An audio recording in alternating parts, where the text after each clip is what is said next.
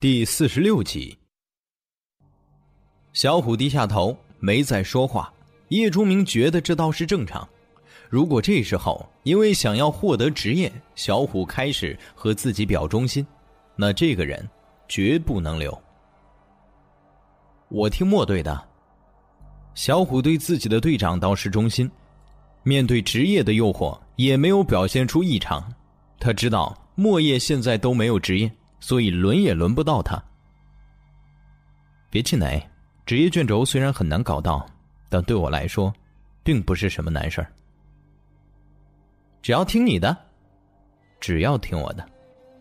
小虎摸摸脑袋，撇撇嘴：“你利诱的时候可以不要这么明显吗？太直白了吧？”叶钟明收回小虎身上的目光，转而盯住了。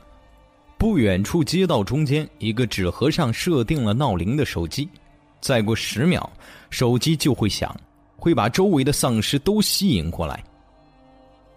直白，总比不明不白强。手机铃声响了起来，优美的音乐在满目疮痍的世界里显得有些格格不入，但丧尸可不会理这个，他们只知道有声音的地方可能会有新鲜的血肉。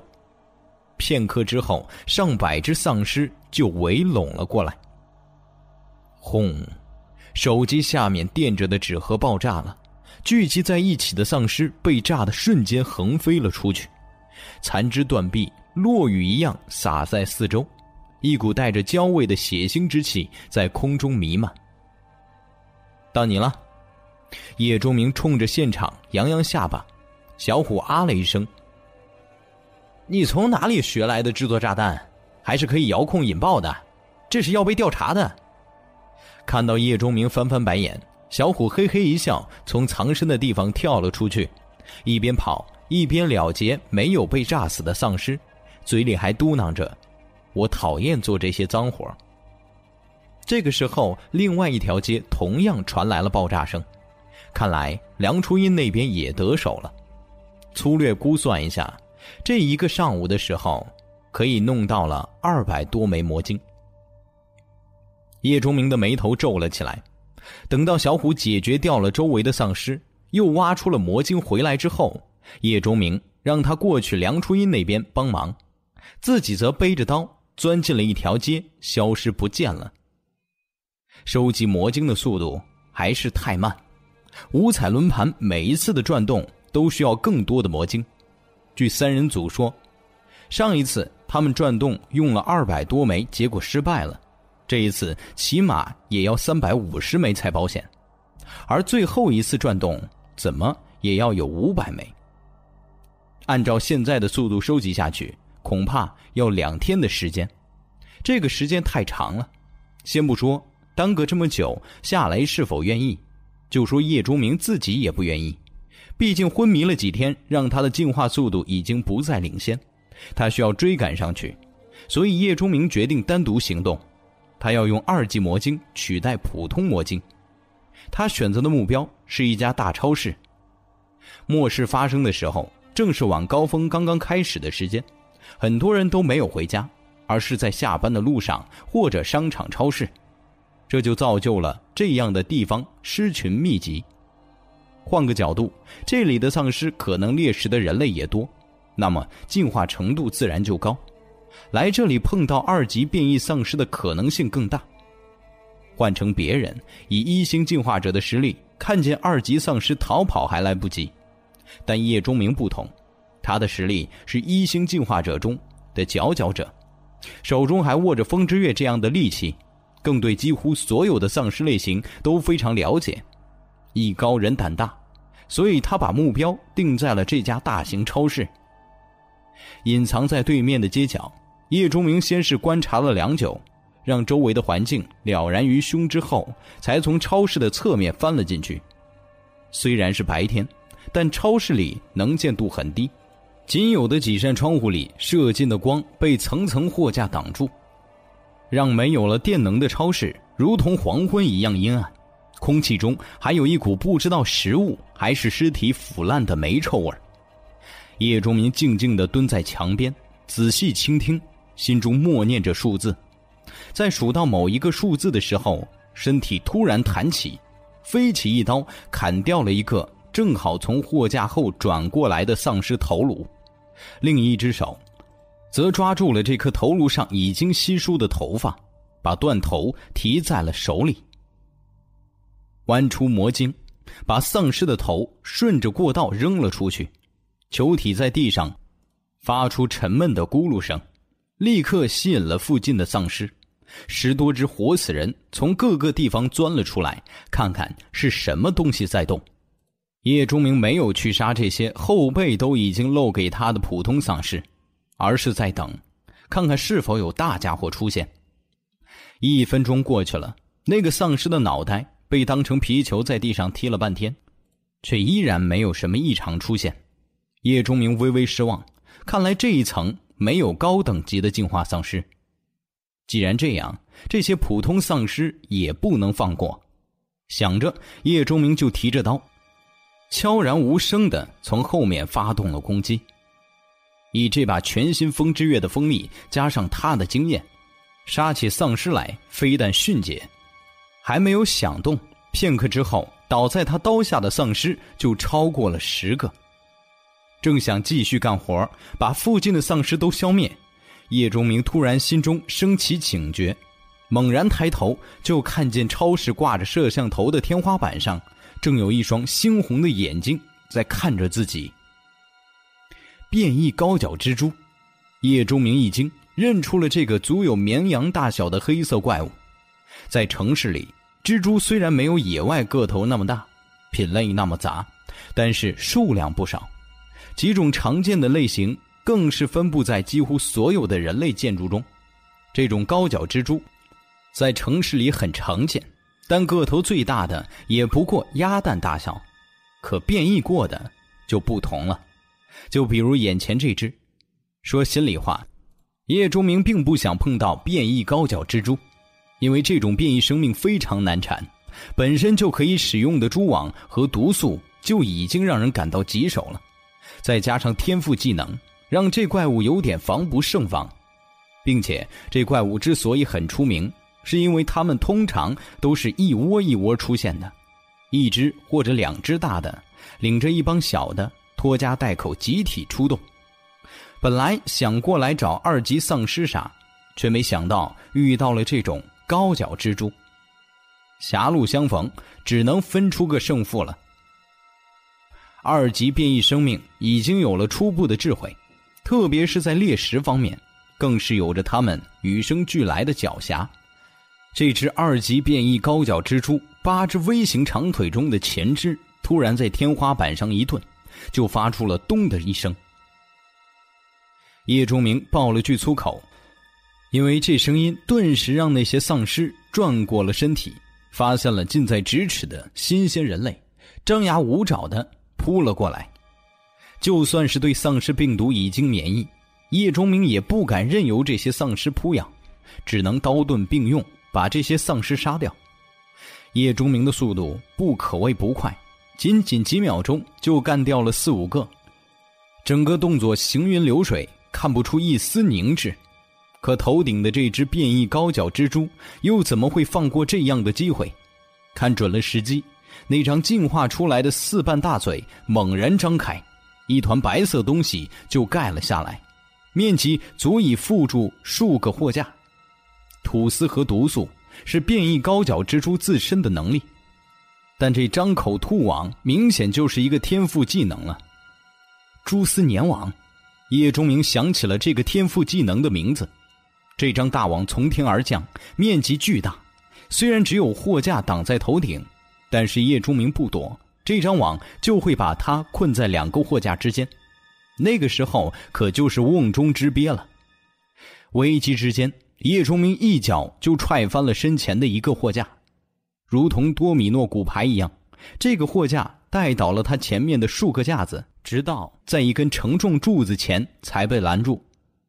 借这个机会，叶钟明身体飞速向前窜去，到了最边沿时，眼看要躲不过去。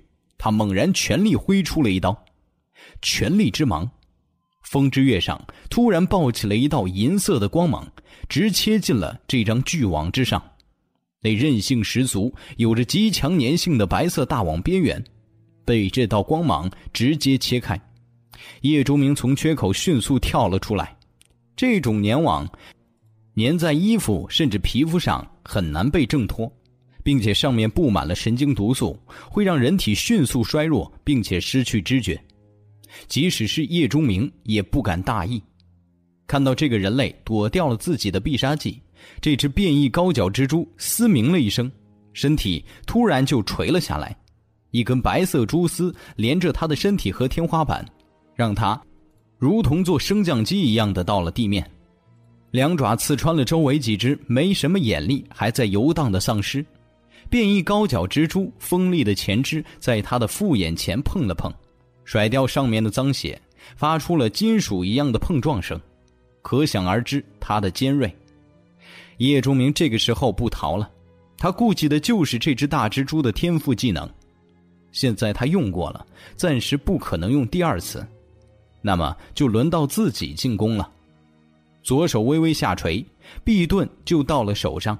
叶钟明身体一晃，直接冲出，冲出去的同时，臂盾脱手而出，直砸变异高脚蜘蛛的复眼，力量之大，仿佛把空气都划破了一样。变异高脚蜘蛛没想到这个人类竟然敢主动攻击，更没想到竟然会把盾牌扔了出来。想要躲的时候已经来不及了，只能把两个前肢交叉在眼前。叮的一声，臂盾被弹飞了出去，直接撞破了天花板，把那里砸出了一个大洞。变异高脚蜘蛛被这股力量震退了一步，刚想放下前肢反击，发现那个人类。竟然已经冲到了自己的面前，挥动了那把银色的刀。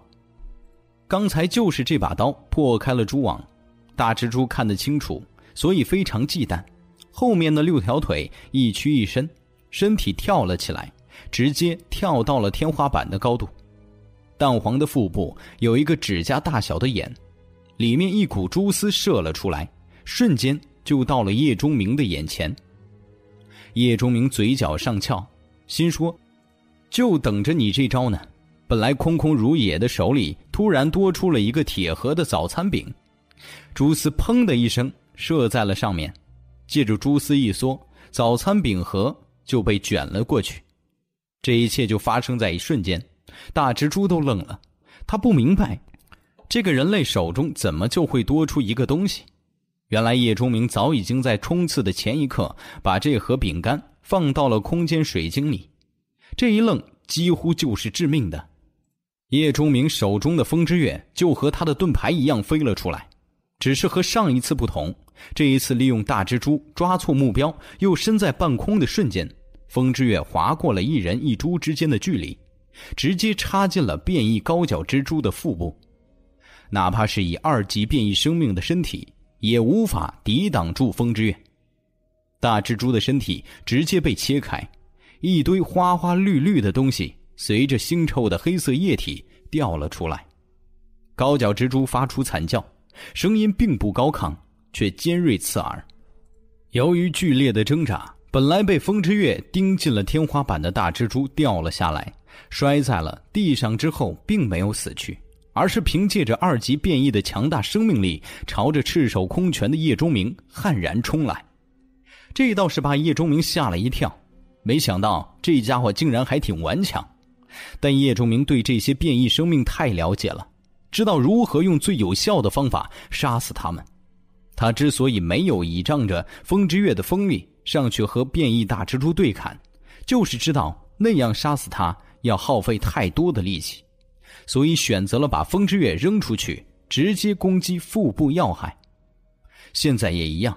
他只是惊讶于这只大蜘蛛的凶猛，却并不慌张。他轻盈的在货架之间来回移动了两下，内脏都不全的变异高脚蜘蛛终于耗尽了生命，呜鸣一声，瘫软在了那里，不再动弹。复眼中的凶光也慢慢消散，取而代之的是一片死灰。叶钟明走过来，抽出风之月，挖出魔晶。又切掉了变异高脚蜘蛛最锋利的前肢，还有最值钱尾部的线囊，扔进了空间水晶之后，又走到了远处，顺着货架爬上去拿壁盾。那东西现在还在天花板上插着，可手刚碰到壁盾，还没等抓紧，突然一股剧痛就从背部传来。叶钟明历经无数生死的经验，在这个时候救了他。他直接在货架上一蹬，就把这个货架弄倒，身体摔了下去，躲过了接下来的攻击。至于壁盾，暂时管不了了，保命最重要。身体摔在了地上，影响不大。叶钟明没有马上站起，而是连连翻滚，这又救了他的命。刚刚翻滚过来的地方传来了叮叮叮的声响，好像什么东西射在了那里，又被弹开，滚到了一个货架后面。叶钟明才靠在了上面，从货物的空隙向外看去，只见一个优美的身影正站在了背光的货架之上，一头长发无风摆动，让他的绝佳身材更显露无遗。他的脚下窜过去了一只黑猫，金色的眼睛看向叶钟明的藏身之地。叶钟明深吸了一口气，他知道自己可不是遇到了什么美女，而是遇到了一对恐怖的变异组合。前世的时候，在末世开始不久，很多地方都在流传一个美丽而血腥的传说：一个无比美丽的女人，带着她的宠物。在人间游走，遇到他钟情的男子，就会发生一夜旖旎。只是美丽过后，就是飘血的杀戮。这些被钟情的男人会被切开身体，吃掉内脏，吸干鲜血，清醒着痛苦而死。身体被缝合，竖在一个个高楼之上，远远望去，仿佛在登高眺望。而美丽的女人则会带着她的宠物继续在人间行走，寻找下一个让她心动的对象。这个故事充满了诡异，直到后来谜底才被人们慢慢揭开。什么美丽的女人？或许美丽是真的，女性也是真的，但人绝对是假的。那只是年轻貌美的女子成为丧尸之后完成了进化。成为了一个丧尸新特的种类，雨婆。雨婆是所有丧尸变异种里外形上变化最小的，最接近人类。前世在东海边上，有过一个九级雨婆出没的消息。有人见到这种变异丧尸骑在一条雪白巨蛇之上，相貌上已经完全看不到和人类的区别，一举一动、一颦一笑比人类还人类。更让人惊讶的是，虽然九级的变异生命，许多都可以口吐人言，但说话的时候还能带着点地方口音的，也只有雨婆了。并且高等级的雨婆已经不那么嗜杀，还会偶尔和人类交易。他们的外表更容易被幸存者接受，甚至有人一度怀疑，当雨婆进化到九星之后，有些已经恢复了变异前的记忆。隐藏身份，返回了人类聚集地生活。有许多末世的科研人员也认为，一直让人类束手无策的丧尸病毒解药就在九级雨婆身上。可是，直到叶钟明重生之前，也没听说哪个大势力掌握了九级雨婆来做研究，并且因为免疫药剂的存在，人类对于解开丧尸病毒的兴趣也没有那么高。他们更愿意把时间精力放在进化药剂上。虽然九级雨婆给了人们太多的幻想，但有一点不能否认的是，雨婆在九级之前远比其他种类的丧尸要凶残血腥。叶钟明今天运气真的不好，竟然遇到了一个雨婆。论起自身的实力，雨婆在变异丧尸当中并不算顶级，至少排不到前三。但综合实力却数一数二。他们的第一个天赋技能叫做精神种子，这种天赋技能可以控制一只变异生物或者怪兽。和很多控制类技能不同，精神种子是一种完全控制技能，不但让被控制的变异生物忠诚无比，更不会失去原本的意识，并且宠物会跟着雨婆一起进化，最后变得极为强大。高等级的羽婆之所以那么难惹，就是因为他们不仅本身实力很强，身边还必定有一只忠心耿耿、凶猛无匹的变异体。谁能想到，在这家超市不仅有一只变异高脚蜘蛛，还有一个会偷袭的羽婆呢？而且，宠物还是一只灵活无比的变异猫。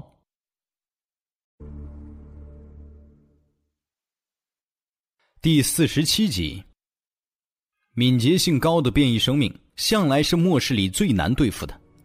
叶钟明适应了一下光线，他看到了这个美丽雨婆和变异黑猫额头上的白色魔晶，双二级。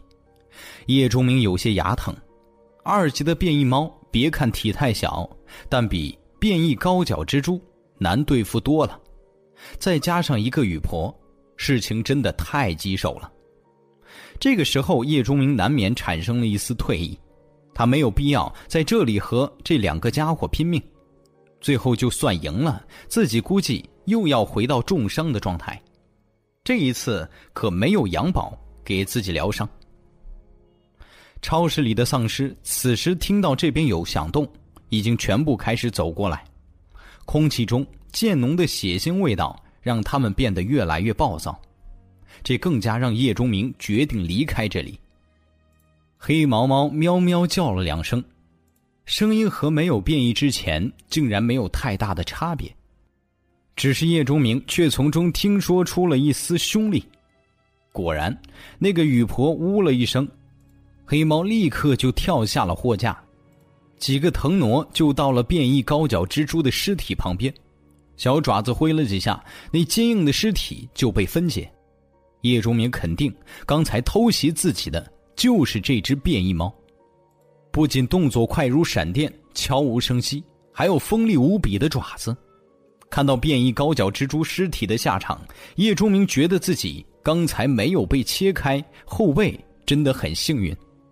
变异黑猫和雨婆仿佛都忘记了叶钟明的存在，一个站在货架之上展示优美的身姿，一个在那边大口吞咽着。蜘蛛的血肉，好像刚才偷袭的不是他们一样。终于有丧尸接近了，这个时候，哪怕叶钟明再安静，也无法隐蔽自己。他背上伤口流出的血，就如同黑暗中的明灯一样，指引着丧尸找到他。几只丧尸撞过了前面的货架，出现在了视野里。叶钟明只能出手，风之月瞬间绞断了他们的脖子。无头尸体还没跌倒，就被叶钟明推在了过道上，希望以此来减缓丧尸到来的速度。看了一眼依然没有动作的雨婆和他的猫，叶钟明咬咬牙，提着风之月就朝着相反的方向杀了过去。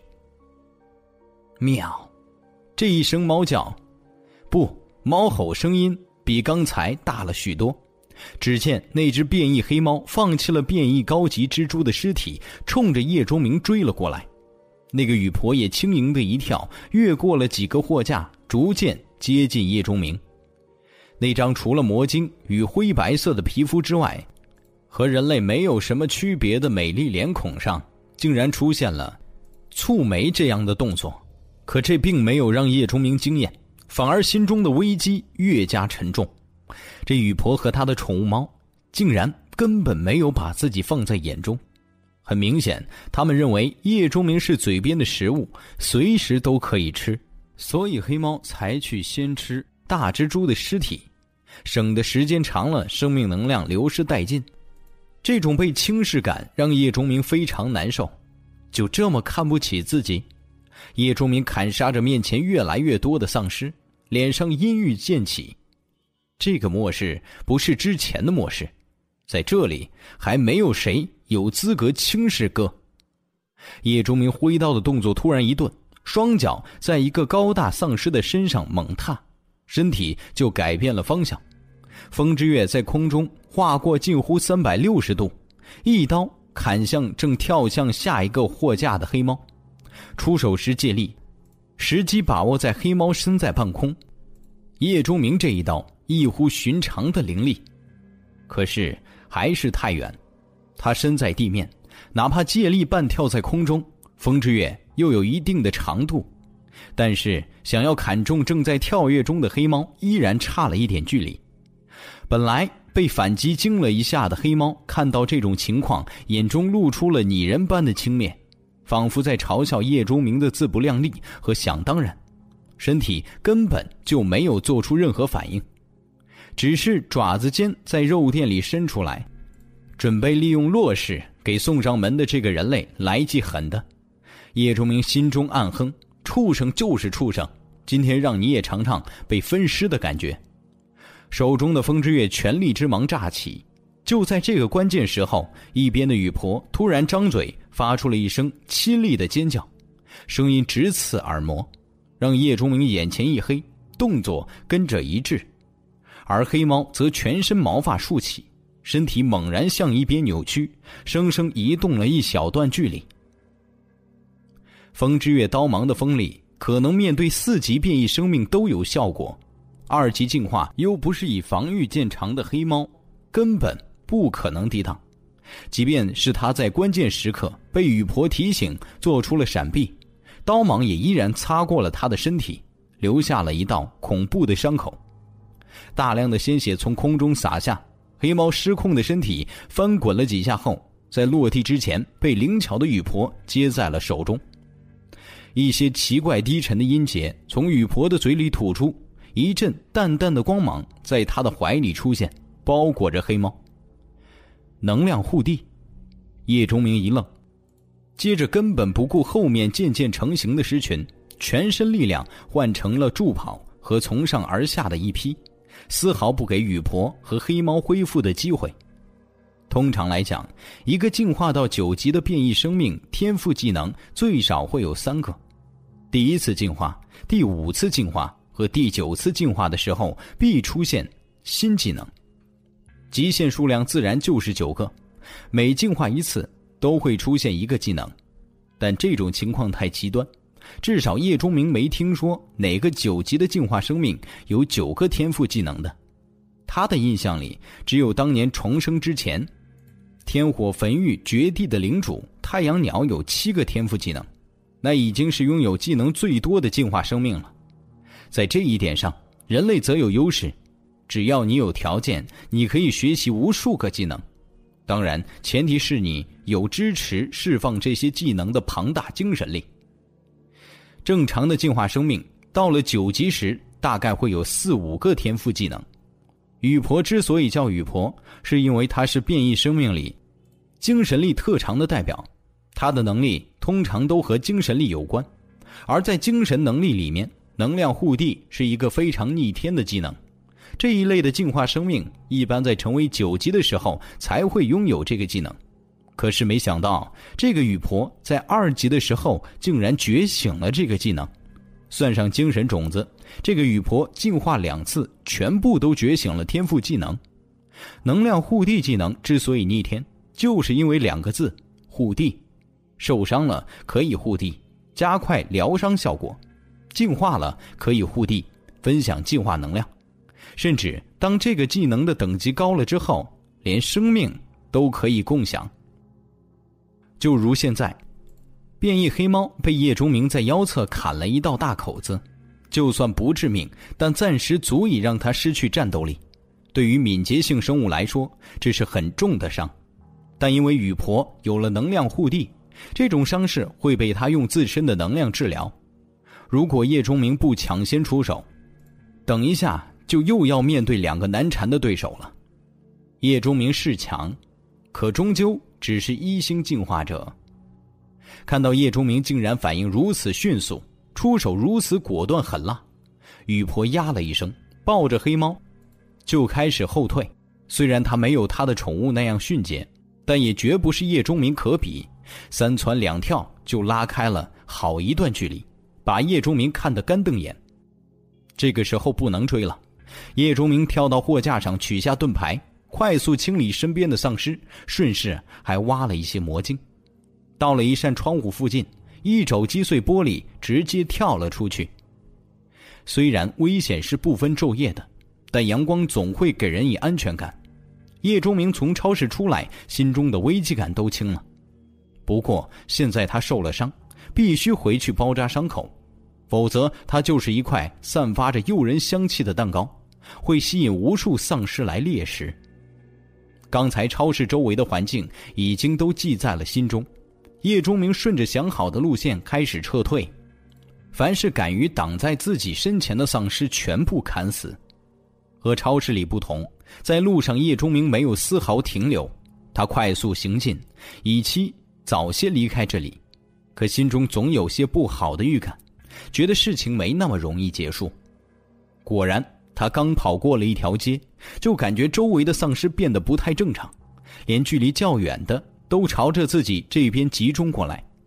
他更是听到了一些变异老鼠响亮的吱吱声从脚下传来，声音越来越大，显然在飞速的接近。天空中也有些扇动翅膀的声音在高楼背后的阴影里响起，好像一些飞禽就要来到这里。感觉到逐渐接近的危险，叶崇明立刻冲进了旁边的建筑，避开了最为麻烦的尸群。要是被这些杀之不尽的家伙围住，可就完了。快速穿越这栋建筑，从另外一边穿出，迎面就碰到了六七只变异鸽子。这些鸽子个头变大，如同老鹰一般。领头的赫然是一个有着二级实力的灰鸽。叶崇明眼中金光连闪。身上的杀气陡然发出，十年末世锻炼出的果敢和勇猛，在这一刻体现的淋漓尽致。手中风之月全力挥出，出刀的时机角度又准又狠。那个领头的二级变异灰鸽子，一个不小心被刀芒一分两半，污血洒满半空。毕盾挡住两只从旁边要偷袭的变异鸽子，风之月连连挥动，把这些本应该在高空翱翔。现在却要到了地面的飞禽一一搏杀，在付出了肩头被抓伤的代价后，这些变异鸽子在半分钟内被屠戮一光。可险情没完，一边的下水道井盖突然被撞了起来，成群的变异老鼠从下水管道里钻了出来。这些小猫大小、满眼血红的家伙看到变异鸽子的尸体，立刻扑了过来，不由分说的撕咬吞噬。叶钟明抢在他们之前拿下了那枚二级魔晶，可接着就遭到了变异老鼠的袭击。这些家伙数量太多了，不算趴在变异鸽子身上的那些，朝着叶钟明袭来的就有上百只。大片的丧尸进入到了叶钟明穿越过的这栋大厦，他们在顺着味道追踪，退路被他们就这样封死。叶钟明握着刀。突然心有所感，他抬头向右上方望去，就看见那个雨婆正抱着受伤的黑猫，站在一栋楼顶，冷冷的看着他。果然是你，叶钟明意识到，雨婆虽然只能控制一头宠物，但应该可以把一些信息透露给其他进化生命。这家伙竟然可以和其他变异生命沟通，叶钟明心中的凶性被彻底激发。他用风之月指了雨婆一下，然后做出了一个割喉的动作，一丝嘲笑出现在了雨婆因为给宠物疗伤变得更加惨白的脸上，仿佛在说自不量力。怒吼一声，叶钟明团身冲入了变异老鼠群中，疯了似的疯狂杀戮，甚至他已经放弃了一定的防御，只用臂盾护住要害。再用以伤换伤的方式来提高击杀这些变异老鼠的效率。楼顶的雨婆露出了惊讶的神色，智慧明显比其他二级生命高出一块的她，虽然还不会用一些词语来形容这一刻，但她也为下面这个浴血奋战的人类震惊了。她每挥出一刀，都有那种让她灵魂都颤抖的恐怖刀芒出现，每一道刀芒都能切开数只变异老鼠的身体。这些一级甚至二级，在半个城市都可以横行的生命，在这刀芒面前是那么的脆弱。仅仅一分钟不到，就有数十具变异老鼠去见了阎王，其中更是有两只二级的大老鼠。这些肮脏、习惯于生活在黑暗中的家伙畏惧了，冲上来两百多只，这么一会儿，三分之一已经死在了银色刀锋下。想要杀死银刀的主人。还需要付出多少？变异老鼠不会计算这个，但出于生命趋利避害的本能，他们害怕了。一只二级老鼠吱吱狂叫了几声，领头钻回了下水井，其他老鼠紧跟着蜂拥而退。片刻之间，走得一干二净。浑身是血的叶钟明目光又落在了楼顶那个窈窕身影身上，举起了风之月，再次做出了一个割喉的动作，和刚才如出一辙。雨婆深深凝望了这个人类一眼，抱着黑猫转身消失在了视野当中。叶钟明回来的时候，把众人吓了一跳。准备一些酒精和纱布，我的包里有。叶钟明扔下一句话，提着一桶水就出去了。再回来的时候，浑身的血迹已经不见，光着上身，前胸后背的伤口多达七八处，尤其以后背三到十多厘米长的伤口尤甚，再深一点就见到骨头了。梁初音和朴秀英赶紧笨手笨脚来包扎，不过只弄了两下，就看出了他们的不专业。我来吧。莫叶和小虎出去找东西吃了，现在不在，夏雷只好亲自动手处理伤口。这种事情对他们这些专业人员来说并不算什么。叶钟明没有拒绝，心理上他肯定更加亲近梁初英和朴秀英，毕竟他们基本上是未来的伙伴了。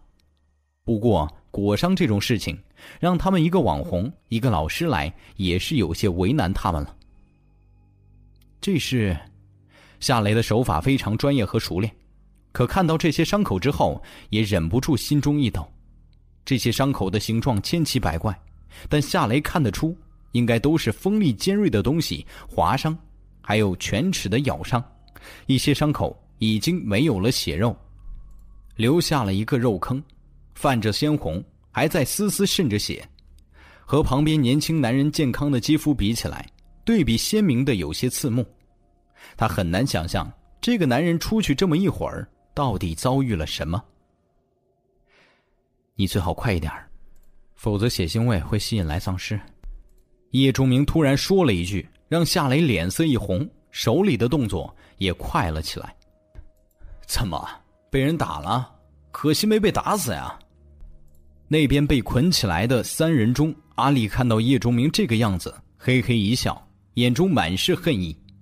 三个人被捆在了一起，周围是叶钟明设置的一个联动弹射陷阱，他们只要稍动，悬在他们眼前的六把匕首就会射出，穿透他们的头部和喉咙，以至于哪怕三个人有力量可以挣脱绳索，也不敢随意乱动，更何况还有梁初音或者莫叶加上忠心的地黄丸在一边虎视眈眈。叶钟明看了三个人一眼。什么都没说，下来很快把伤口都处理了一遍。叶竹明随便找了件衣服穿上后，走到了五彩轮盘前。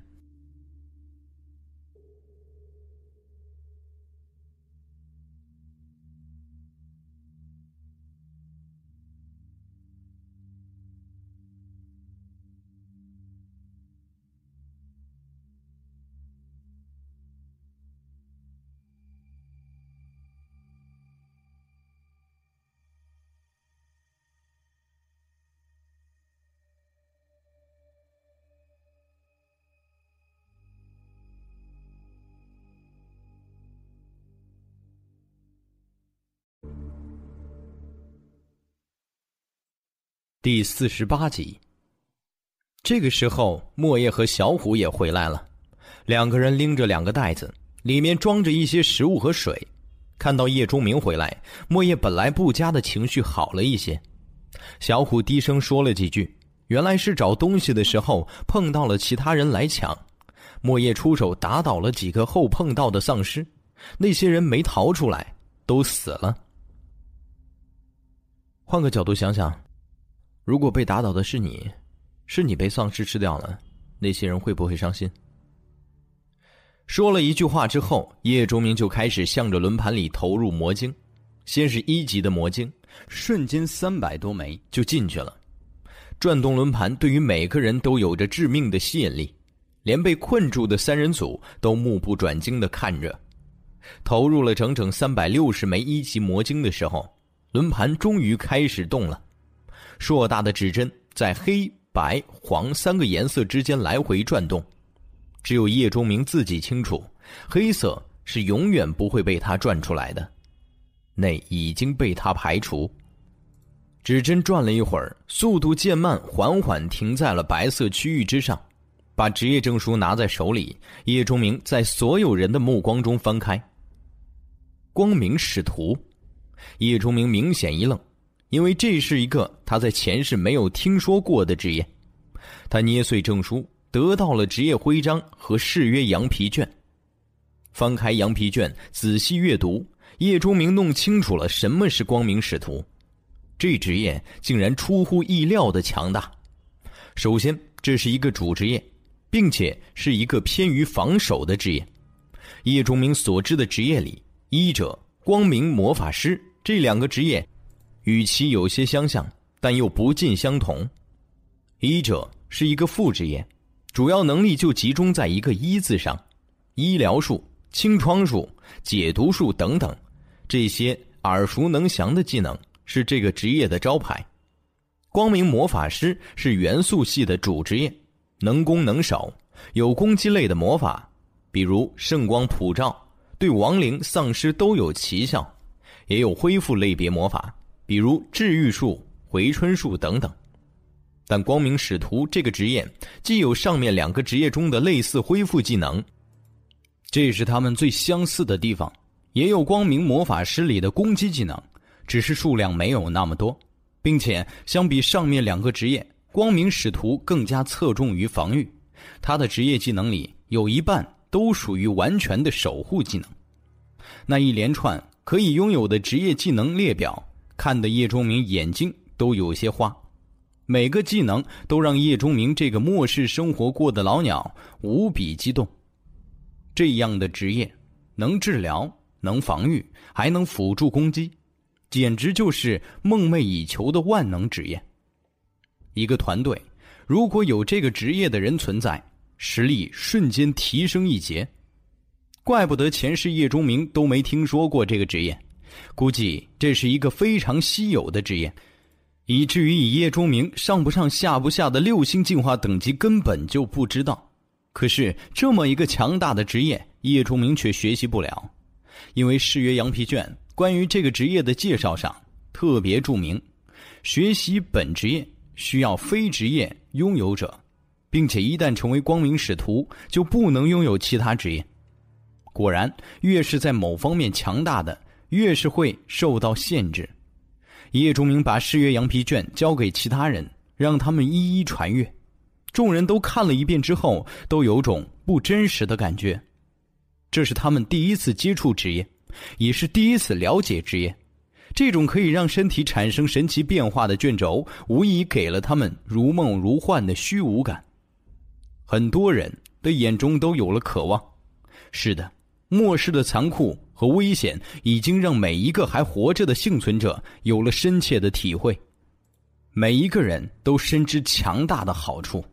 同是一星进化者，叶钟明因为有了工匠之业，可以制造出风之月这样的利器，所以他强大。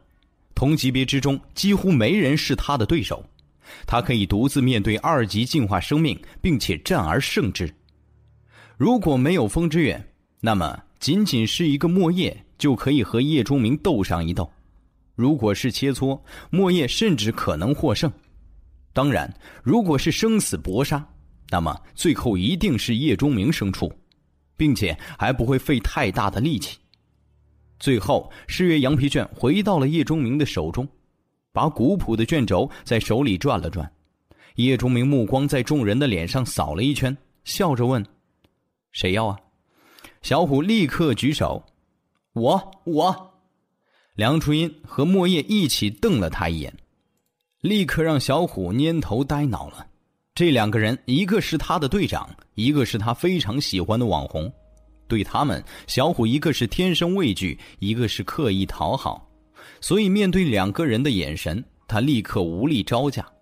同时，小虎自己也清楚，这职业卷轴还轮不到他用，一是他跟着叶钟明的时间还太少。信任度还不够，贡献度也不够，二是他还不是进化者，职业给他纯属浪费。你不只有一个职业，对不对？莫叶突然问叶钟明，虽然没有明说，但他感觉叶钟明还有工匠之外的其他职业。叶钟明点头。那我也不要了，我不想只有这么一个职业。莫叶一直以来都想变得如同叶钟明一般强大，心中不自觉的以他为目标。既然叶崇明不仅有一个职业，说明他心中变强的路是需要多个职业辅助的。那么自己也要这么走下去，而不是一辈子只拥有一个职业，还是个辅助为主的职业。看到莫叶没有兴趣，叶钟明的目光又落到了梁初音身上。说实话，叶钟明对这个女人是最信任的，比莫叶都要信任。他又不是傻瓜。他明白这个女人看向自己的眼神里蕴含着什么，可是他也同样清楚这女人的性格和野望，估计她也不会选择这个职业。我也不要。果然，梁初音考虑了片刻之后，选择了放弃。这个职业的确不符合她的性格。她虽然没有莫叶那样追赶叶钟明的野心，但也不愿意当一个辅助在后面给人加加血。于是，众人的目光都落在了最后一个有资格获得这个卷轴的人身上。朴秀英下意识的想去推一下眼镜，可是发现那里什么都没有。之前的眼镜已经在逃跑的时候坏掉了，并且成为了进化者之后，近视这种小毛病已经不治而愈。我，我，朴秀英我了半天，美女老师的脸都红了。也没说出个所以然来。哎呀，我去！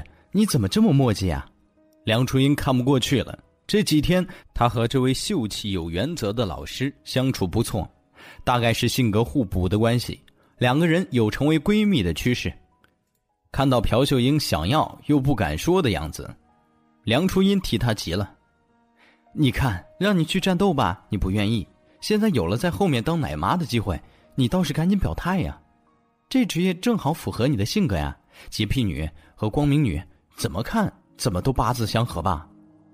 这话把莫叶、小虎都给说乐了，连叶钟明和夏雷嘴角都有笑意渗出。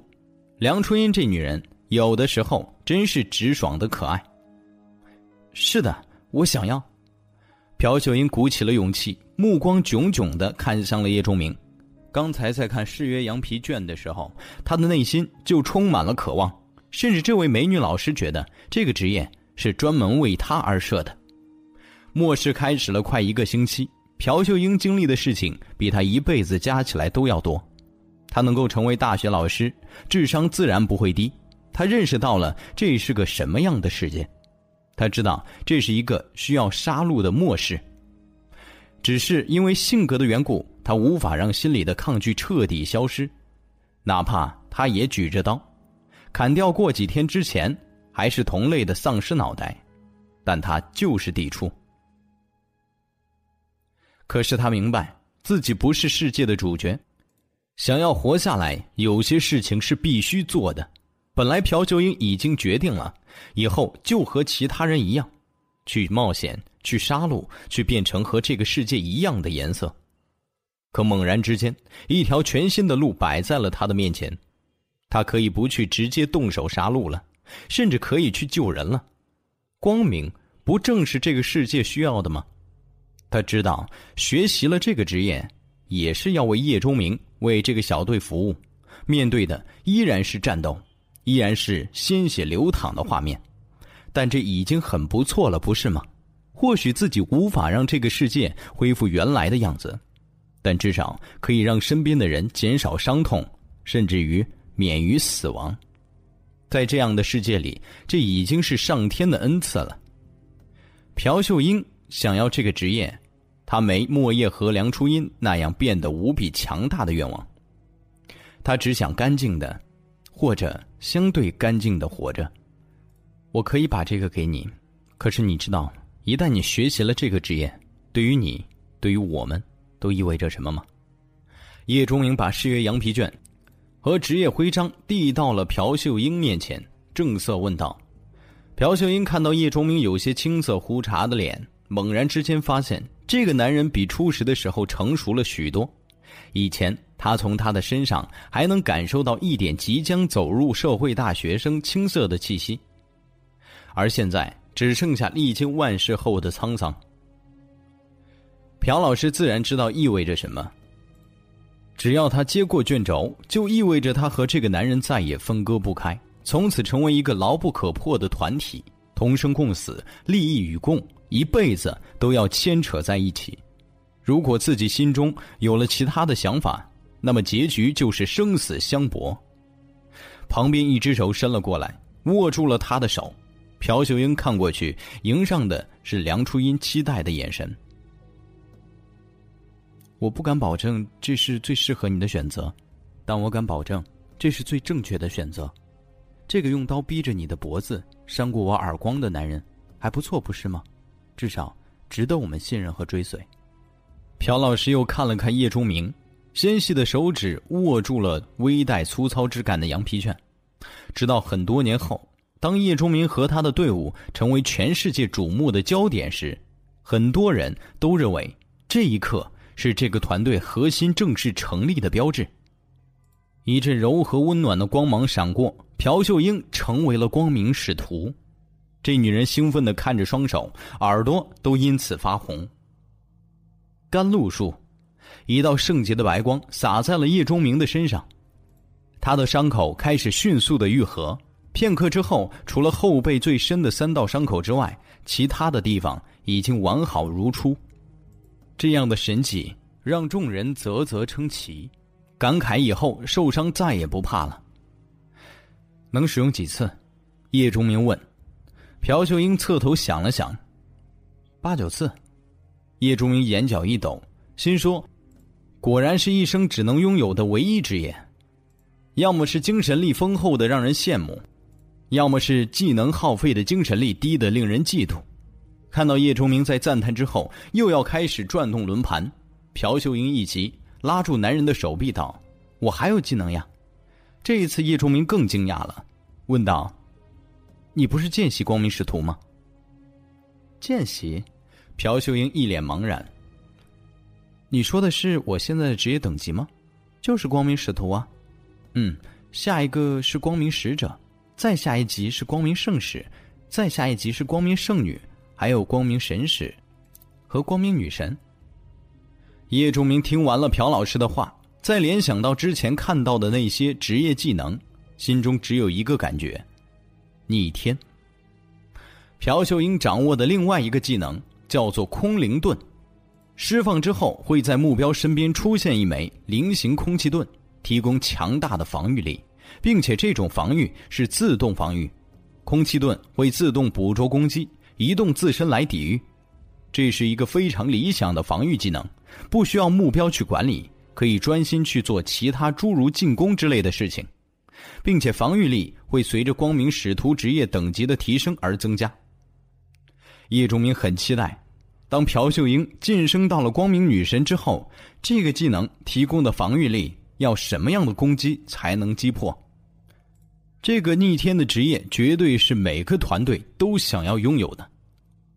叶钟明重生这几天以来所得之中，估计也只有鬼金和荣耀工匠职业可以和这个相媲美了。让如获至宝的朴秀英在那边自己傻乐，叶钟明开始继续转动轮盘。由于刚才那次转动就得到了一个非常强大的技能，所以这一次的转动格外的引人注目，特别是梁初音和莫叶。如果有合适的技能，他们无疑是最有资格拥有的。两女甚至因此而有些紧张。叶钟明把剩下的一级魔晶一股脑都投入了进去。接着又向里面投入之前得来的四枚二级魔晶。看到这四枚白色的二级魔晶之后，三人组老大邓哥的心直接沉到了底。这个年轻的有些不像话的男人，竟然一个人在短时间内击杀了四只二级变异生命。邓哥清楚的记得，当三人组成为了进化者，并且拥有了两个职业之后，碰到一只二级丧尸被追杀的场面。那种惨痛记忆，直到这几天也时不时会被想起。可这个对手竟然已经强大到单独越级猎杀二级生命的地步了。本来心中还有一些其他想法的邓哥，此刻做出了一个决定。所有的二级魔晶都投入进去之后，轮盘终于开始转动，发出微弱的嗡嗡声，拨动着屋子里所有人的心弦。指针不出意外停在了黄色区域。叶钟明在奖励盒里拿出了第二张职业证书。风舞者。叶钟明摇头一笑，把职业徽章和契约羊皮卷直接扔给了梁初音。啊！梁初音手忙脚乱的接住，在莫叶小虎羡慕的目光中打开羊皮卷，开始看说明。越看越脸上兴奋之色越浓，不时瞄向叶钟明的那双眼睛都变得水汪汪的。风舞者是一个使用带状物为武器的职业，比如鞭子、长丝带、布索等这些，并且这个职业是一个性别限制职业，只有女性进化者可以学习，并且对使用者有舞蹈基础要求，以便在施展技能的时候完成相关的动作。莫叶和梁初音两个人中，只有后者是有舞蹈基础的。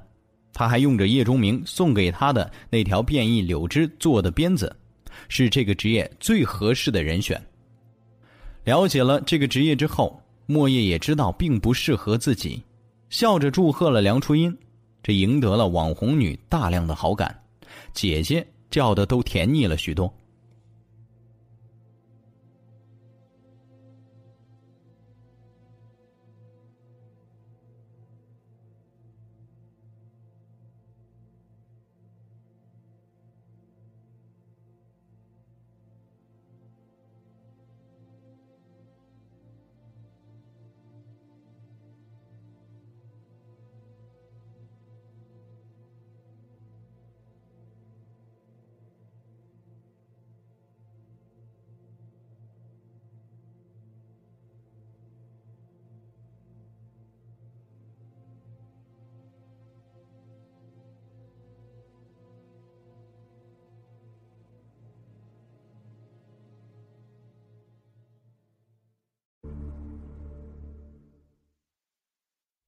第四十九集，见习风舞者的第一个职业技能是影四方舞旋，一个激发后可以让使用者身体纵到半空后对四周发动无差别攻击的群体技能，威力很大。加上变异柳条制作的鞭子，让梁初音的攻击力提升了很多。队伍里一下子多出了两个职业者，并且还都是主职业，所有的人的心情。都不错，队伍的强大，无论是对自身的安全，还是以后变强，好处是显而易见的。比如之前队伍里如果就有这两个职业者，那么完全没必要去制作炸弹炸丧尸。叶钟明和梁初音两个人在前面顶着，朴秀英在后面加状态，其他人查缺补漏就可以了，效率要高出不少。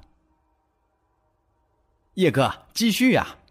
小虎在一边早就看得心痒难耐，虽然轮盘上最后一个职业转出来也没有他的份儿，但仅仅是看着一个个神奇的职业卷轴出现，已经是一件很过瘾的事情了。这个小子蹲在轮盘一边催促着叶钟明，叶钟明看了看剩下的唯一黑色区域，目光一闪，沉声道：“没有魔晶了，如果要再次转动，我们可能还要再耽搁一天，甚至更多的时间。”我们放弃，放弃。小虎愣了一下，看看轮盘，又看看叶钟明，脸上的可惜一点都没有掩饰。不过马上想到了什么，偷瞄了夏雷一眼，不再说话。其他人的想法也都和小虎差不多，开始非常不理解。毕竟他们已经知道了这种彩色轮盘可遇而不可求，就这么白白放弃太可惜。但想到夏雷还在等着和她的丈夫会合，也就不说什么。这反而弄得夏雷特别不好意思，张了张嘴，想让大家不要因为她放弃这么好的机会。可想想自己的丈夫还在等着自己，又把到了嘴边的话咽了回去。让大家开始收拾东西，准备离开。叶钟明走到了三人组身边。等等，别杀我们！邓哥早就想好了，看到叶钟明过来，立刻开口叫道：“放了我们！我告诉你一件事情。”邓格飞速的说了一句话，想来怕叶钟明不相信，又接着道：“我可以用我父母双亲的名誉发誓，我说的是真的，并且对你有用。”叶钟明什么都没说，只是冷冷的看着他们。你不是用刀吗？我知道有个人手里有类似的职业证书。这一句话让叶钟明动容了。在转动这个轮盘之前，他心中是无比期望能够转到刀手和射手两个职业的。毕竟这都是他前世拥有的职业，对两个职业的种种都非常熟悉。如果能够学到。要比起其他职业重新摸索强很多。不过事实让他有些失望，得到的两个职业都很强，但没一个叶钟明能用。现在乍一听到这个消息，脸上就露出了一丝渴望。邓哥敏锐把握到了这个表情，心头微松，说道：“现在你们很强大，我们三个人根本不是你们的对手。对于你们来说，我们已经没法。”成为威胁了。用我们三条烂命换一个你强大的机会，我认为值得。叶钟明沉静了一会儿，道：“放开他们。”小虎和梁初音立刻过去，把悬在三个人面前的陷阱拆除，并且给他们解开了绳索。你能保证我说出来之后不会对我们动手吗？邓哥揉了手腕，那里已经被勒出了青紫的痕迹。说，叶钟明有些不耐，邓哥咬咬牙，决定赌一把。叶钟明这些人给他的感觉还没有那么丧心病狂，所以他才敢这样赌。距离这里两条街，有一个叫做“盈盈超市”的小商店，里面聚集着一伙人，人数不多，六七个的样子。他们不知道从哪里弄到了一个职业证书，因为人太多没法分，所以放出了话来。要换进化药剂或者其他有用的东西，你可以去找他们。至于怎么换，就是你们的事情了。这是昨天的事情，想来应该还没人和他们换。你们要是去，应该来得及。走在高楼之间偏僻的街道上，小队一边前行，一边让梁初音和朴秀英熟悉职业。叶钟明则在一边给予他们指导。没有职业的人也在后面认真听着，连夏雷都不例外，因为有人正在帮助他们打开一扇神奇的大门。这种机会可不是经常会有的。虽然每一个人心中都有一个大大的疑问，就是叶钟明怎么会知道这些？可是没人提这个问题，也知道即便是说出来也不会有答案。影四方五玄的攻击力强悍的让人啧舌。就是叶钟明都被吓了一跳，这个技能一旦用出来，周围两米之内的所有物体都会被攻击。在技能持续的短短几秒钟内，鞭子会抽出几百下，速度快到肉眼都无法捕捉，只能看见一片片边影。叶钟明胆子大，站在攻击范围内试了一下，在不使用风之月的时候，他也只能被动挨打，撑到这个技能结束才能发起攻击。当然，这个技能虽强，可就和雨婆一样，还逼不出叶钟明的底牌。强大都是有代价的，这个技能对精神力和体力的消耗非常巨大，并且要求身体的柔软程度非常高。刚刚获得这个职业的梁初音咬着牙也只能使用两次这个技能，之后就会陷入到了虚弱当中。同样强大的还有光明使徒，这个职业真的是太逆天的。这一路上，队伍碰到过一只二级变异蚊子，老鼠一般大小，嘴巴上带着一根足有二十多厘米长的锋利尖锐吸管，前窜后跳，不太老实的地黄丸最先惊扰了这只大蚊子，倒霉的被偷袭了一下，在大狗的腿上留下了一道贯穿伤，气得地黄丸狂吠，浑身毛发竖起，就要发动天赋技能，还是叶钟明强迫他安静了下来。面对这样一只二级生物，出手的是莫叶。他的实力其实是不如这只变异蚊子的，无论是速度还是攻击都相差不少。但是有了朴秀英在后面支援，一个空灵盾加上去，二级变异蚊子那可以轻易刺穿地黄丸身体的吸管，竟然拿这面半透明的盾牌丝毫没有办法。无论从哪里攻击，都会被盾牌挡住，直到他被用着风之月的墨叶一刀劈成两段之前。都没能把盾牌蕴含的能量耗光，最后憋屈而死。这就是光明使徒的强大，可以让一个一星进化者在一定前提下击杀二级变异生命。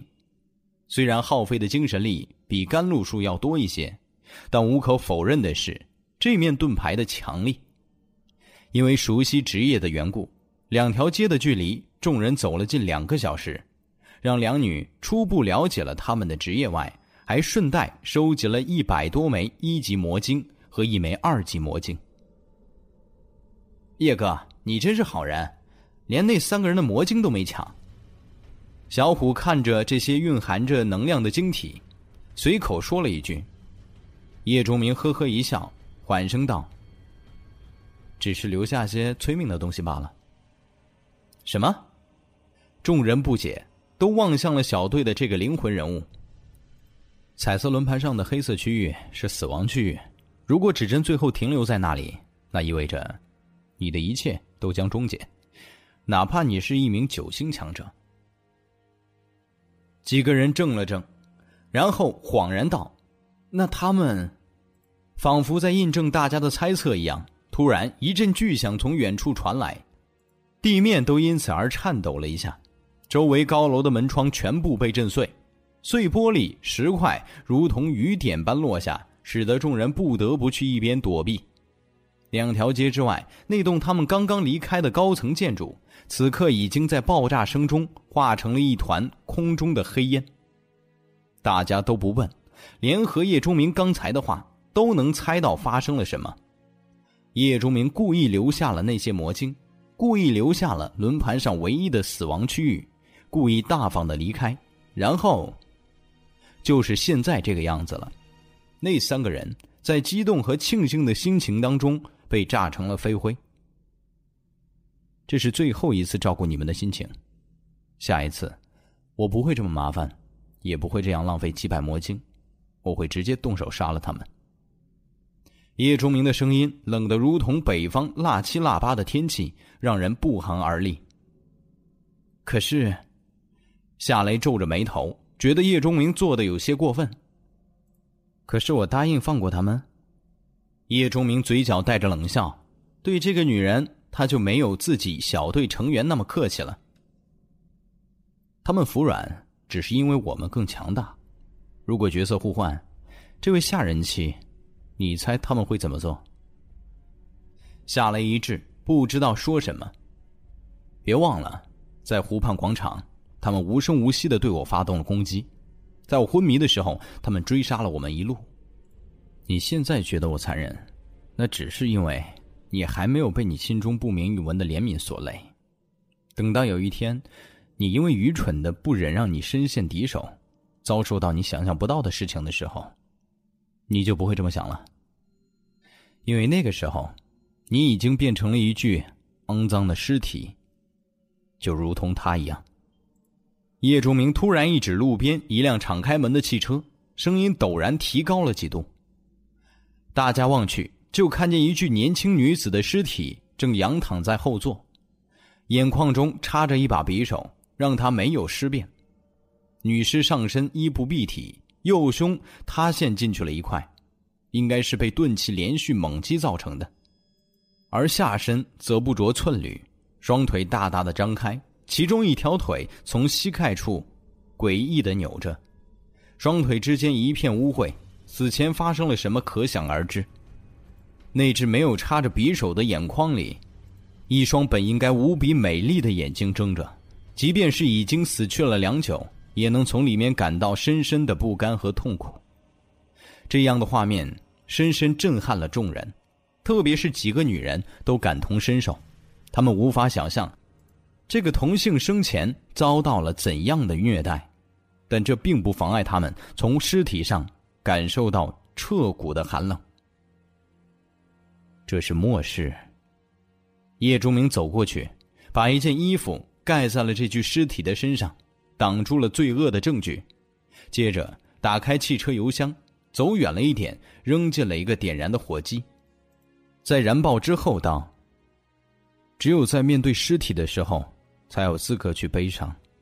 其余时间，请把怜悯收好。”说完，叶钟明抬起头，看向了那已经不存在的幺幺零七，声音不大。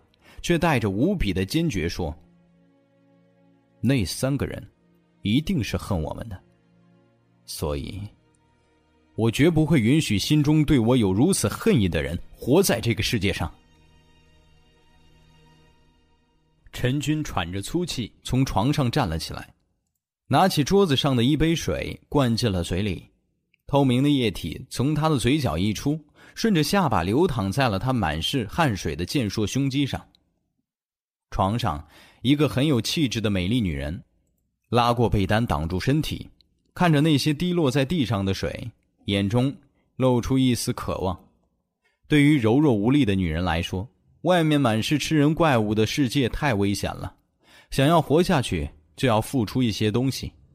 这样的付出，在和平年代可能只是自己的努力、青春或者些许自尊心，可现在却要付出身体。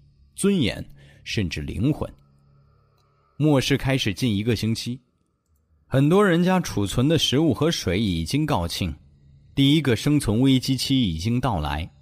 很多在和平年代看起来匪夷所思的事情，开始在末世里发生，并且逐渐成为常态，并且还会向着近乎变态的方向进化着。苏阳是白领，不，如果按照工资水平来说是金领。他可以凭借着自己的收入，在这个寸土寸金的城市里全款买得起房子和车，能力毋庸置疑。而陈军，他只是小区里的物业收费员，见到苏阳只会低头哈腰的陪笑，连看向这个美丽金领的猥琐眼神都遮遮掩掩的。不止一次，苏阳在转身的瞬间，嘴角露出不屑的嘲笑。但是现在呢？这个已经有五十岁的男人，刚好在他美丽的身体上尽情的发泄过，代价只是每天一点可怜的、只能够维持生命的食物和水。苏阳这两天不止一次的想过死，可是每每拿起水果刀朝着脖子或者腹部比划良久，他都无法下手，就和他不敢走出这栋大楼去外面面对吃人的怪物一样。陆军看到了女人渴望的眼神。嘿嘿一笑，身心无比舒坦。几天前，他还只是一个半糟老头子，做着临时工。别说女人，连想喝点酒都要考虑买五块钱的还是八块钱的。但是现在，他是一个进化者，神奇的药水让他重新恢复了男人的雄风，还掌握了一个神奇轮盘。他不需要去外面和丧尸搏杀。只需要把消息放出去，然后坐在家里收取手续费就好了。别看现在满街的丧尸、遍地的尸体，但是这个城市别的不多，就是人多，死的人多，活着的人更多。这些活着的人想要继续活下去，就要来转动轮盘。仅仅三四天的时间，陈军已经抽取上百枚魔晶的手续费。他儿子的净化药剂就是这样来的，有食物，有女人，有力量。陈军觉得现在不是末世，而是天堂。爸，外面又来了一伙人，看起来不好惹，想要转动轮盘。房门外传来一个年轻的声音，轻敲了两下门。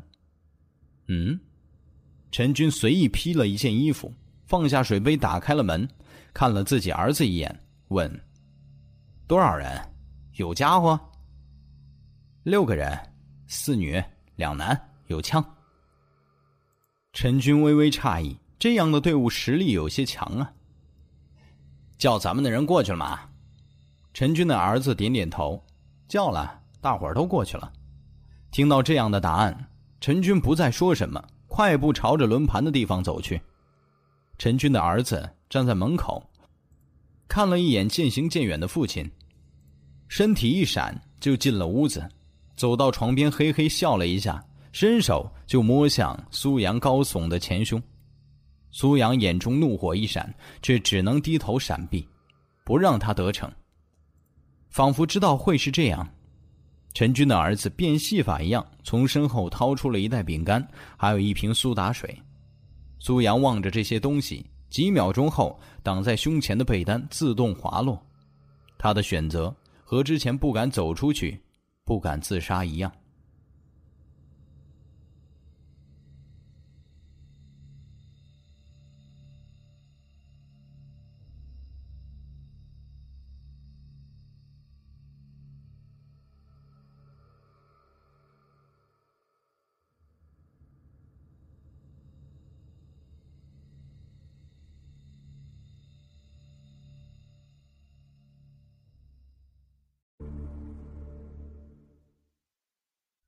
第五十集，这个轮盘的位置是叶忠明从三人组那里得来的，在一个高级小区的门球场上，七八个人虎视眈眈的看着叶忠明一行人，其中一个手里有张长弓，一个人有把枪，其他人都是刀棍之类。陈军走过来的时候，行走间腰上时而会露出一把手枪，和一颗八二二型手雷。知道规矩吗？看到这些人里有三个人端着长枪，陈军有些紧张。他能够稳稳的占据这里，除了他和他儿子两个人是进化者之外，靠的就是火力的强大。三把枪，一张弓，一颗手雷，这些装备足以让附近对轮盘动心思的人望而却步，能够震慑住转动轮盘前就想要赊账的混蛋。可这些人火力明显不比他弱。陈军也害怕他们起别的心思。他的儿子姗姗来迟，好在不太笨，知道把枪提在手里。转一次一枚魔晶。叶崇明早已经在轮盘上扫了几眼，知道就是一个普通的轮盘，转动一次需要六枚魔晶，上面有九样物品，最值钱的光刃技能已经被那个叫做小童的女人抽走了。行，知道就好。转几次，先交钱。陈军等人在轮盘周围严阵以待，叶钟明的人也同样的表情。十次，扔给了陈军十枚魔晶。叶钟明开始转动轮盘。既然要去换三人组所说的那张职业证书，就要有净化药剂。这里已经是附近能找到的最近的轮盘了。陈军收下十枚魔晶，有些意外转动的次数。这个轮盘上除了一星净化药剂之外，最好的东西就是陈军带着的那种手雷。估计他们的枪就是用这东西和别人换的。使用排除术转了五次，只抽到了一瓶净化药剂，其他都是些破东西。叶忠明干脆不自己转了，把机会留给了早就手痒的小虎。有句话叫“人傻手壮”，小虎这家伙转了五次。竟然出了三瓶净化药剂，还有一枚手雷，乐得嘴都合不拢了。也难怪他高兴。现在队伍里除了他之外，就只有夏雷不是进化者，但人家是有一瓶净化药剂的，随时可以服用。况且到了新区，夏雷就离开了。严格说来，小队里只有小虎还不是进化者，这让这小子非常难受。现在一下子有了四瓶净化药剂，怎么也有他一份了。一路上收集来的魔晶消耗的差不多，成果也让人满意。叶仲明带人就准备走，可是人的贪婪不会因为他重生就有变化。没等离开，就被占据了轮盘的人拦住。陈军是真不想招惹这些人的，可是他看到这伙人竟然赚到了四瓶一星净化药剂，怎么可能不眼红？如果他有了这些药剂，就能让手下多出四个进化者。那以后这个轮盘就可以站得牢牢的。富贵险中求，陈军决定赌一把。进化药剂留下，我不杀你们。狰狞的举着枪，陈军豁出去了。叶忠明微微叹了口气：“哎，我就知道会这样。在前世，幸存者基地多是以轮盘为中心建立的，有些基地信用良好，只要交了手续费，你抽到了什么奖品都可以带走，他们赚的就是这手续费。不要小看转动一次几块魔晶的这点费用，积少成多之下，可以让一个势力迅速崛起。杀鸡取卵的确可以暴富，但也断了持续的财路。这个道理，末世里依然有人懂的，会克制暂时的贪婪，选择长远的发展。但现在末世伊始，绝大多数的人都在实力的原始积累阶段，贪婪自然会占据上风。我和别人说过，贪婪要有能够贪婪的实力，这句话现在也送给你。陈军一愣，还没等他多想。就感觉身后有什么东西扑了过来，猛然回头，眼前就是一黑，接着喉咙一痛，就什么都不知道了。地黄丸追上众人的时候，嘴角的毛发上还有一丝残留的鲜血。在末世生活过的叶钟明，去别人的地盘转动轮盘，又怎么会不安排后手？以现在人类普遍的进化等级，一只隐藏在角落中的地黄丸就足够了。在陈军想要动手抢夺进化药剂的时候，被早已经埋伏在后面的地黄丸偷袭，一口咬断了喉咙；而陈军的儿子，则被早就严阵以待的梁初音一鞭子抽断颈椎，战斗还没开始就已经结束。虽然因为杀人，梁初音事后吐了半天，但这第一步迈出去以后，这个女人会真正成长为一个适应末世的战士。收缴了三把枪和一颗手雷，给那些普通人留下了一张弓之后，叶钟明等人离开。至于两具一星进化者的尸体，则成了地黄丸的口中餐。明显的，在吃了两个进化者最精华的部分之后，地黄丸在进化之路上前进了一大步，身体大了一圈，额头的魔晶颜色越发的变浅。相信要不了多久，这只大狗就会再次进化。这一次的事情让小队的人再次见识到了世界的变化，见识到了人为利往往在末世的极端体现。每个人眼中都有些内容，他们在慢慢适应这个信仰崩塌的时代。看到莹莹超市的时候，天色已经黑了下来。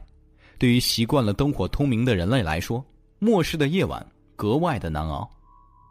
黑暗通常代表着危险、杀戮。和死亡。小超市里一片寂静，和其他地方没有什么区别，但叶钟明还是看出了异常。超市的门被很多东西从里面堵住了，以至于卷帘门都向外微微凸着。叶哥，怎么办？小虎刚刚成为了一星进化者，服用的还是叶钟明改良后的进化药剂，现在全身澎湃着力量，恨不得立刻打上一架。想要让一个人信服，恩威并施无疑是最好的手段。小虎对于叶钟明的实力是很佩服的，几次短暂的较量，小虎都败得很惨。武警出身的他，对于强者有股发自心底的敬畏。现在又给了他净化药剂，让他成了净化者。从眼神就看得出来，这本来就挺简单的小子，对叶钟明差不多死心塌地了。谁对他好？他就对谁好，小虎的世界并不复杂。叶钟明盯了小超市一会儿，低声道：“今天晚上必须完成交换。他们要是狮子大张口呢？”梁春英有些担心那些人不好说话，毕竟见识到了人们的贪婪之后，他对和同类的接触都没有什么信心了。那就强行交换。叶钟明说的很文雅。但是大家都知道这是什么意思，可明知叶钟明是什么意思，却没人觉得不对，连有些剩女情节的朴秀英朴老师都一脸淡然。显然，这几天的末世生涯让人们的思想发生了巨大的转变。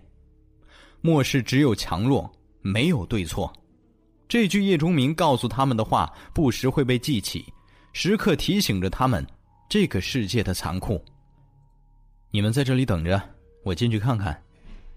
不行，叶钟明的提议被众人一起否决，都觉得这样很危险。放心吧，没事的。叶钟明分析道：“他们既然想要进化药剂，就说明他们还不是进化者，至少大部分人不是。既然这样，对我造成不了威胁，并且我一个人好办事儿，进退自如。真要是遇到危险，我会立刻退出来。那你让地黄丸跟着你吧。”看到无法让叶钟明改变主意，梁初音立刻把地黄丸推到了叶钟明身边。好，不再啰嗦。叶钟明带着大黄狗，借着夜色绕到了这栋楼后面，想从后窗进去。这家超市靠着路边，是一个有些年头的小区，对外门市房。想要绕到后面去，就需要进入小区。黑暗对于叶钟明依然会造成一些影响，他越发小心，从一处装饰围栏上翻入了小区，顺着楼梯向着超市后窗前去。根据记忆。叶忠明很快来到了超市的背面，观察了一下，发现窗户上都有防盗窗。虽然这些东西拦不住自己，但暴力破开也要弄出很大的动静。在这样人口密集的小区里，这种行为无疑是不明智的。考虑了一下，叶忠明准备敲窗了。感谢房地产飞速发展这十多年来楼房的隔音问题，他已经隐约听见。屋子里有些刻意压低的说话声。手刚要碰到窗户，叶钟明突然又缩了回来。他感到有一丝不对，他有一种被人偷窥的感觉。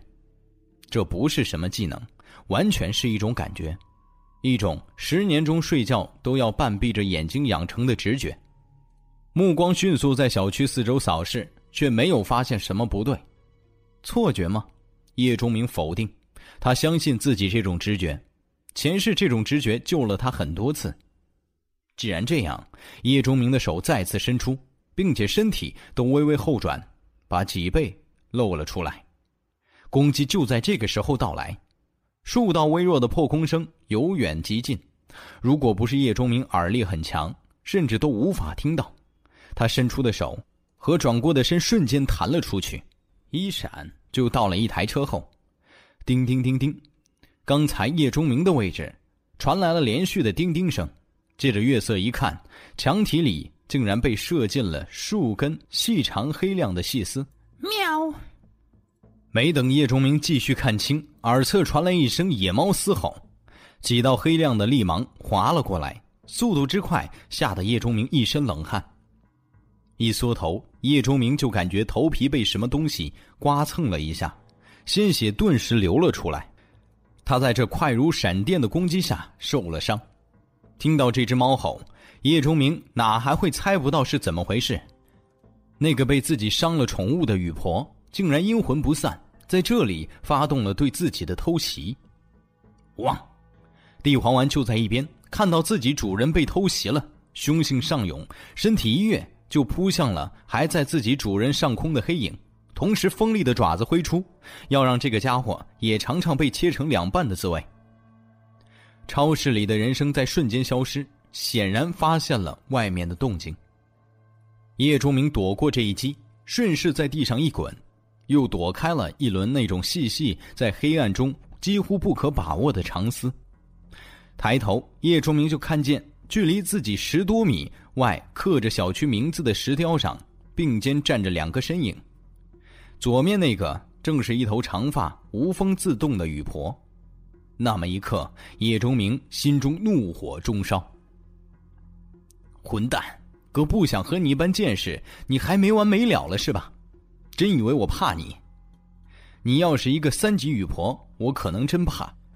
可你一个二级的小东西就敢继续来找我麻烦，真认为我杀不了你？除了铁索囚徒之外，叶钟明重生之后，就是这个雨婆给他造成了最重的伤害。要说心中一点不生气，那是不可能的。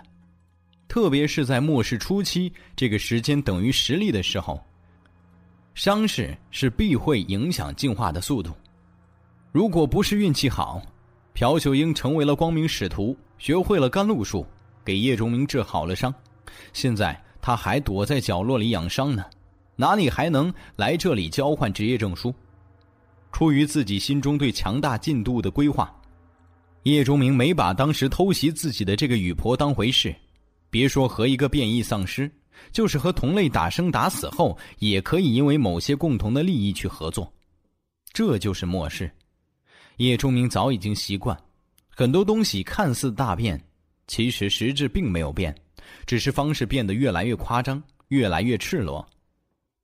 但是你偷袭我，被我砍伤你的宠物，是你不够强力；你招来的丧尸变异生命偷袭我，是你厉害；我能逃走，是我能耐。既然大家都退了，那就结束了。可现在没完没了。还又弄一个帮手帮你，叶钟明杀心大起。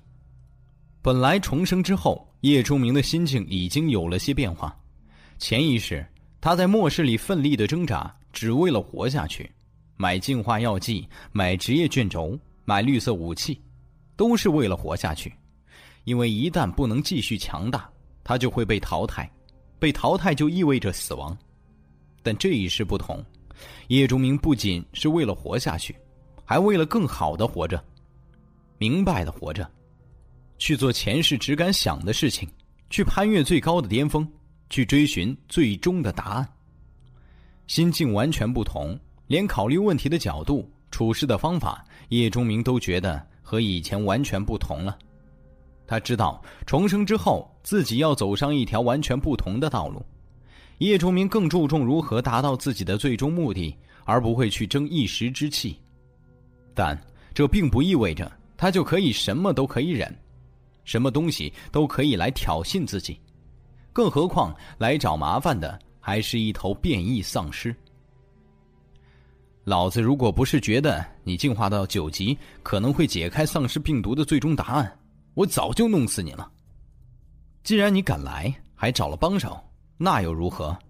今天我就弄死你！叶钟明真是发了狠。本来昏迷几天，耽误了进化速度，心中就有些憋闷了。炸死三人组，杀了陈军，让他稍微发泄了一下，但终究不是亲自动手。现在被雨婆再次偷袭，他的心中终于被满满的杀戮欲望占据。